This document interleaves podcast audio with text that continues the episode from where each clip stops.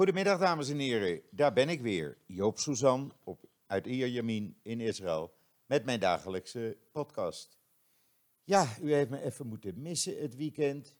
Eh, en dan wil u natuurlijk weten, hoe was je weekend? Nou, eh, vrijdag het hele huis schoongemaakt en eh, boodschappen gedaan. Vrijdagavond gegeten bij een van de kinderen in Tel Aviv. En gisteren echt een luie Shabbat gedaan. Beetje bijgeslapen, een beetje gerommeld. eh, dingetjes die, waar je normaal niet aan toe komt. Maar nu ben ik er weer fris en fruitig en hebben we ook weer een hele volle podcast. Maar zoals gebruikelijk is het weer maar eens even. Ja, wat moet ik ervan zeggen? Het is zo'n graad of 18, maar in huis voelt het veel kouder. Ik heb ook de elektrische radiator er maar bij aangezet.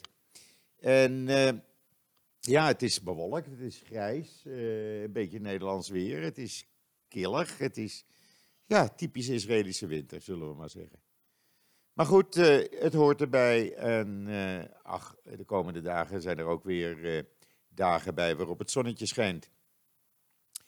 En dan heb ik me erg druk gemaakt. Als u mijn tijdlijn heeft gevolgd of joods.nl leest, dan heeft u gezien wat ik geschreven heb over die uitspraak van de leider van eh, de boerenorganisatie in Nederland, Farmers Defense.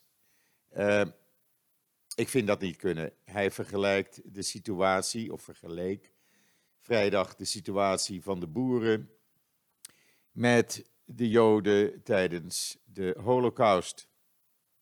En hij zei letterlijk, 75 jaar geleden hebben we ook gezien waar het decimeren van een kleine bevolkingsgroep toe leidt.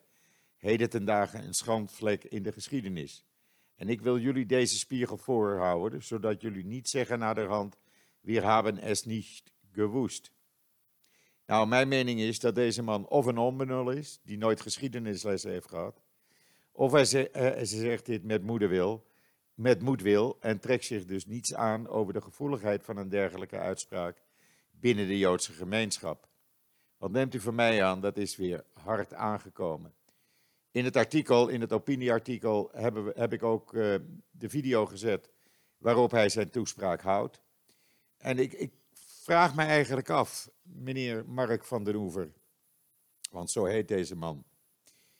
Hoeveel familieleden van jou zijn naar de concentratiekampen gebracht omdat ze boer waren? Of hoeveel familieleden van jou, meneer van den Oever, zijn in de concentratiekampen vermoord omdat ze boer waren? Nee, meneer van, van den Oever, een dergelijke vergelijking, die maak je niet en die kan, mag je niet maken. En als je dit niet begrijpt, dan ben je wel heel dom en geen knip voor je neus waard. Echt, en dat meen ik. Ik vind dat de situatie van de boeren, hoe erg die ook is en hoe gek het beleid ook mag zijn van de Nederlandse regering, dan mag je die situatie nooit of te nimmer vergelijken met de Holocaust. Het gebeurt tegenwoordig te vaak, vind ik. Met elke situatie, of het nou vluchtelingen zijn, of het zijn eh, verwarde personen en nou weer de boeren.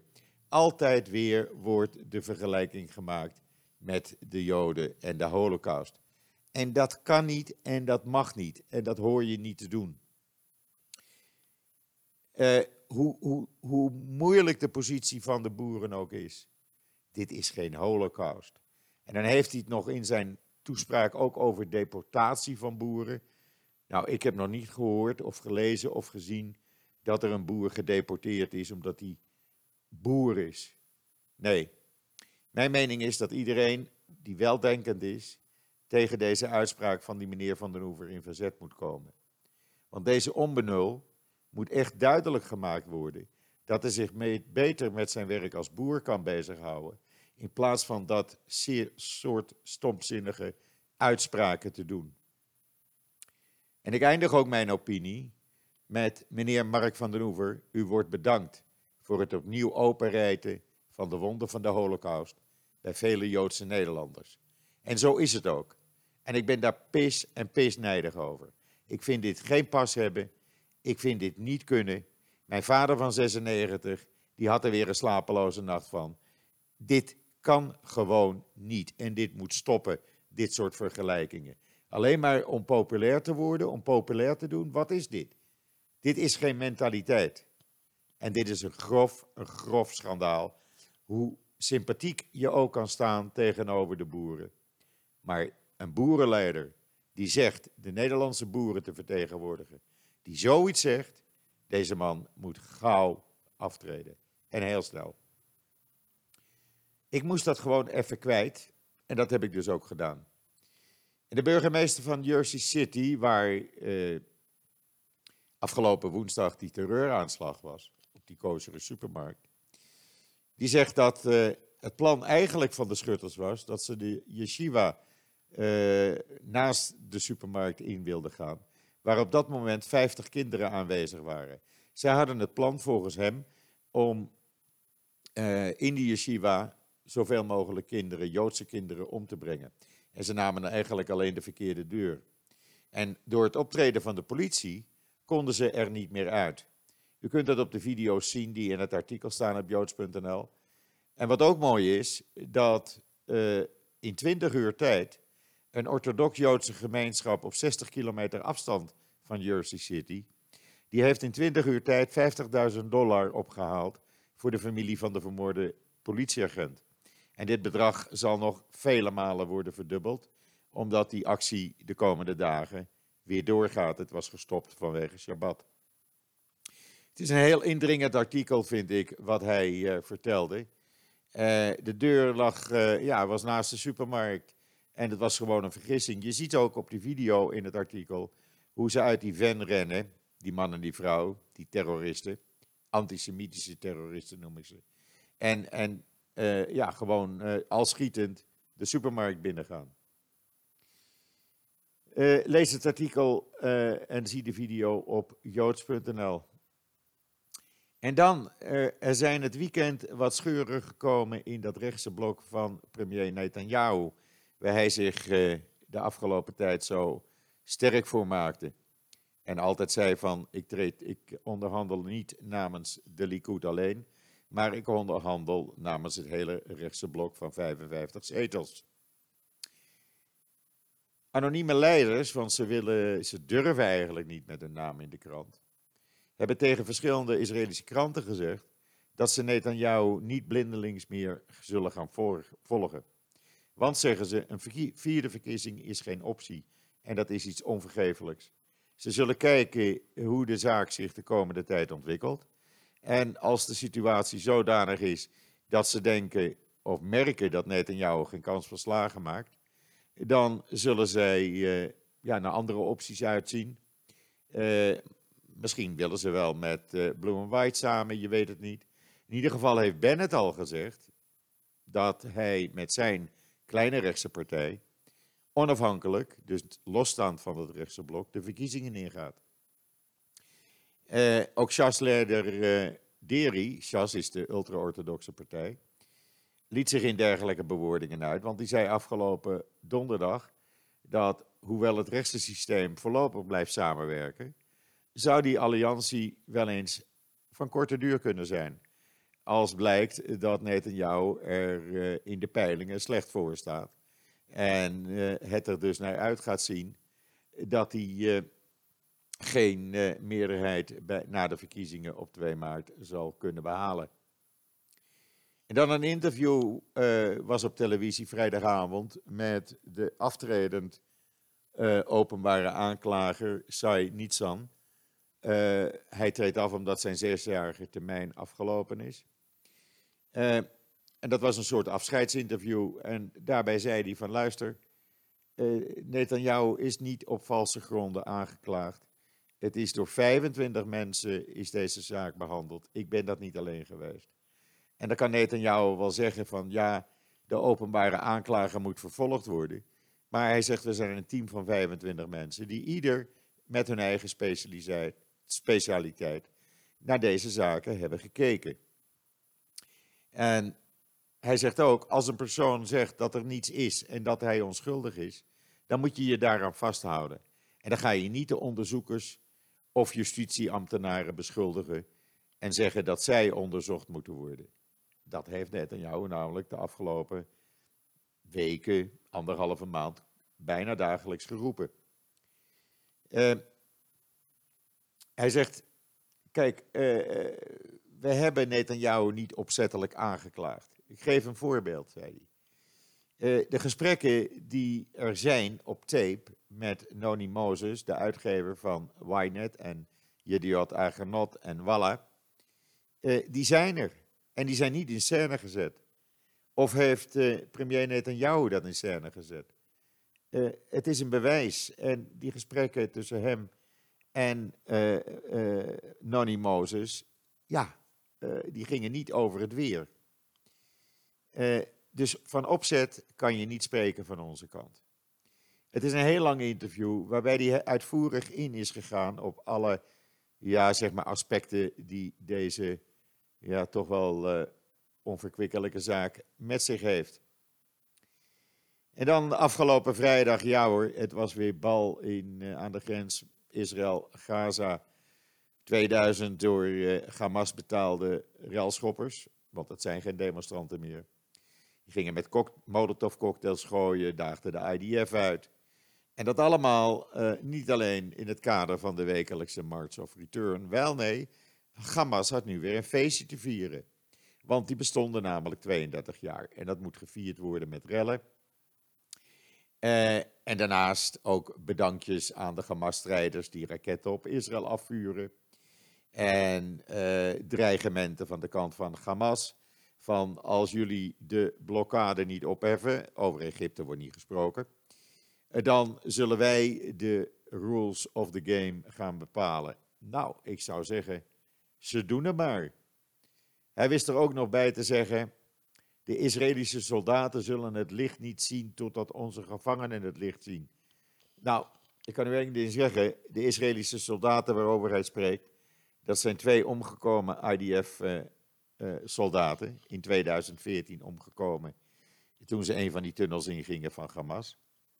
Die, daar zijn de stoffelijke overschotten van in handen van Hamas. En voor de rest hebben ze twee geestelijk gehandicapte Israëlische burgers in handen. Die, uh, ja, die waren de weg kwijt, zullen we zo maar zeggen. En die gingen de grens over en werden gepakt. Dus Israëlische soldaten gevangen houden? Nee, uh, dat moet u dan maar niet geloven. En dan het carnaval van Aalst. Het zat er aan te komen en iedereen ging er ook vanuit. Maar het is vrijdag definitief van de werelderfgoedlijst van UNESCO geschrapt. U weet wel dat carnaval van Aalst had uh, dit jaar eh, tijdens het carnaval, uh, dat vonden ze zelf zo leuk, die antisemitische poppen op praalwagens. Van, die moesten voorstellen dat Joden nogal op geld belust zijn. Ze hebben wel gezegd, dat zij uh, als carnavalsvereniging uh, nu uh, met poppen zullen komen die opnieuw de Joden, maar ook de UNESCO in de maling zullen gaan nemen. Nou, we zullen het maar zien. alsof er nog niet genoeg antisemitisme in de wereld is. ze zeggen dat ze de karikaturen van de Joden alweer klaar hebben. Er komen ook linten bij. Uh, nou ja, het zal wel weer een antisemitisch carnaval wezen. En ik begrijp echt niet waarom dit soort uitwassen uh, niet verboden worden. Want dit heeft niets met carnaval te maken. Dat je de spot drijft, prima. Daar kan iedereen wel tegen. Maar dat je dat doet door Joden af te beelden uh, als Hasidische Joden die gierig zijn en die op het geld zitten en alleen maar je geld willen afnemen, nou, sorry, dan ben je als carnavalsvereniging zelf antisemitisch bezig. En dan een opzienbarende Israëlische studie. Daar hebben ze tien jaar over gedaan. En het blijkt dat genezing van borstkanker zonder chemotherapie absoluut mogelijk is. En men dus niet die vreselijke chemo hoeft te ondergaan. Ze hebben bij honderden vrouwen een tienjarig onderzoek gedaan. Vrouwen met borstkanker. En bijna, bij bijna 100% van al die vrouwen is de borstkanker niet teruggekomen. En geen van hen had chemotherapie ondergaan. Uh, het waren in totaal 1365 vrouwen die de twee meest voorkomende vormen van deze afschuwelijke ziekte hadden. Uh, het blijkt dat het een combinatie is van vroeg ontdekken En dan een bepaalde controle ondergaan en daarna een operatie. En die controle, Oncotype DX, DX heet die, die kan al het risiconiveau aangeven. En ook aangeven of de ziekte weer terugkomt. En dat is een soort moleculaire controle op het tumorweefsel van de patiënt. Uh, echt een ontdekking en het zal voor vele vrouwen in de wereld, niet alleen in Israël, uh, zal het dus, uh, ja, zeg maar, het, het, volgen van een chemotherapie, dat hoeft dan niet meer. En dat maakt het een stuk draaglijker om de ziekte te overwinnen. Want chemotherapie, ik heb het meegemaakt met mijn overleden geliefde, het is verschrikkelijk hoe, wat dat met je lichaam doet.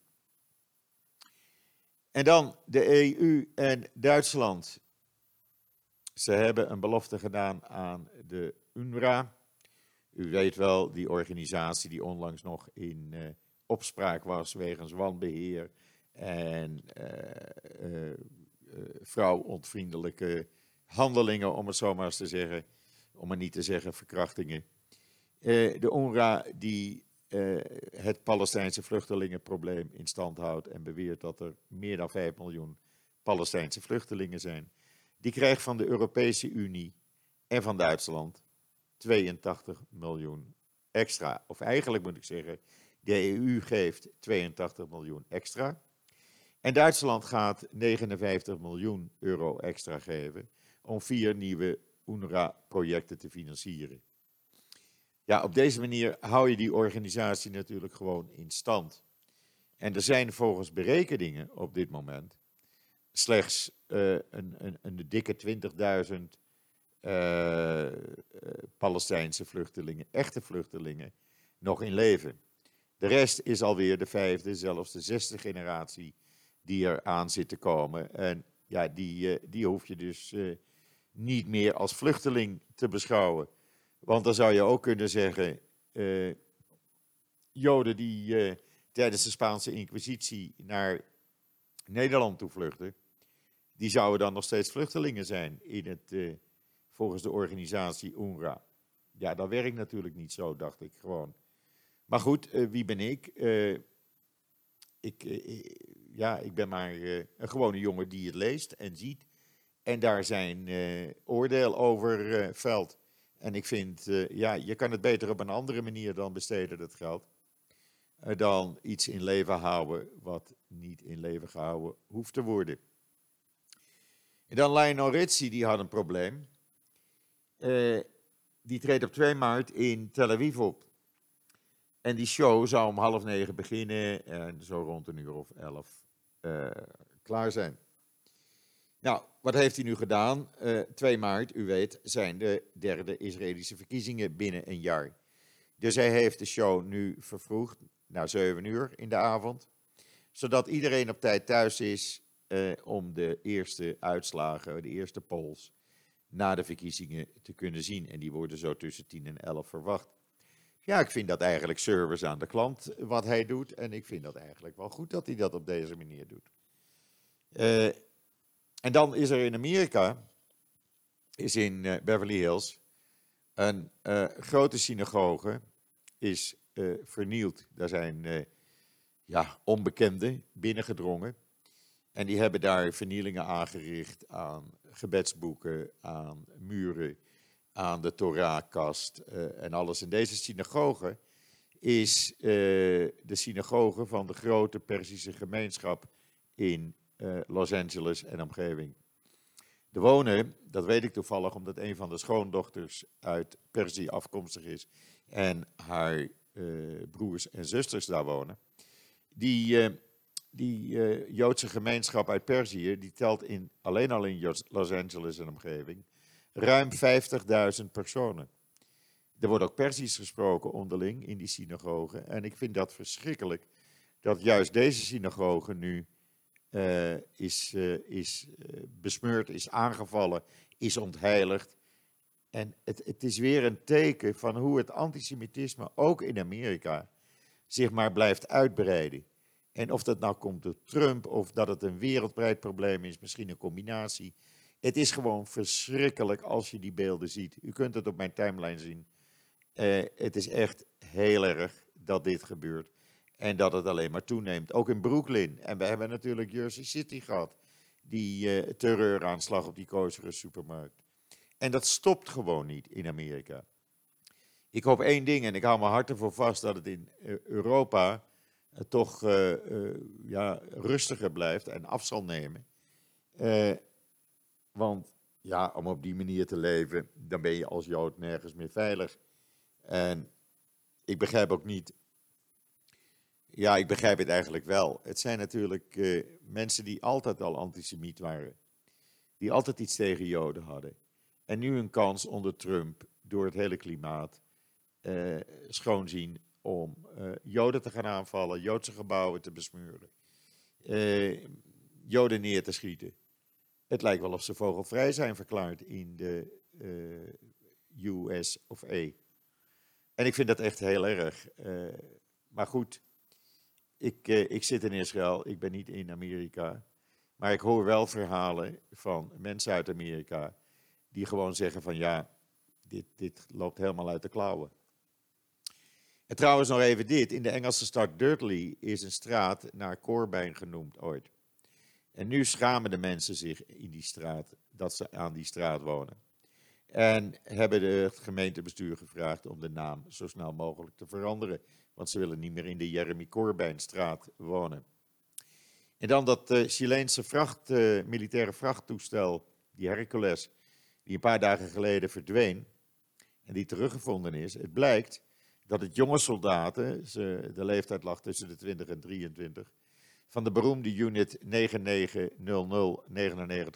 van de IDF waren die uiteindelijk de locatie door middel van satellieten en satellietbeelden analyseren, eh, hebben gevonden en doorgegeven aan de Chileense militairen, waardoor ze dus weer eh, het eh, vliegtuig konden lokaliseren.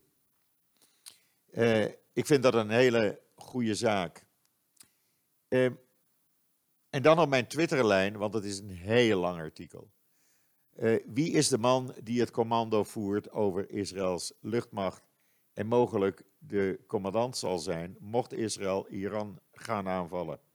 Een hele beschrijving van hem.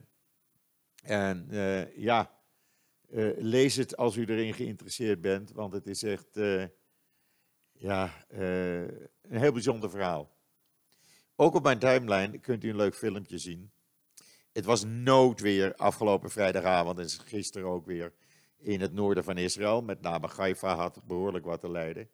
En dan zie je één man met een waterscooter door de straten van Haifa gaan. Ja, ik noem het totaal gestoord. Anderen vinden het leuk. Ik weet niet wat je ervan denken moet, maar ik denk dat je dat een beetje, ja, dan ben je echt verward. Laten we het zo maar zeggen. En met dit leuke verhaal wil ik eigenlijk mijn uh, podcast beëindigen. Uh, er komt zo dadelijk uh, om twee uur Nederlandse tijd, staat er een, weer een hele leuke column van onze vaste columnist Rob Fransman online. Echt heel leuk. Ik heb het natuurlijk al gelezen. Het is een aanraaier. Uh, ga lezen, het maakt uw dag weer goed. Dan rest mij u nog een hele fijne voortzetting van deze zondag, de 15e december, toe te wensen. We zitten alweer op de helft van de maand. Nog twee weekjes, dan gaan we 2020 in. En wat mij betreft zeg ik zoals iedere dag, tot ziens, tot morgen.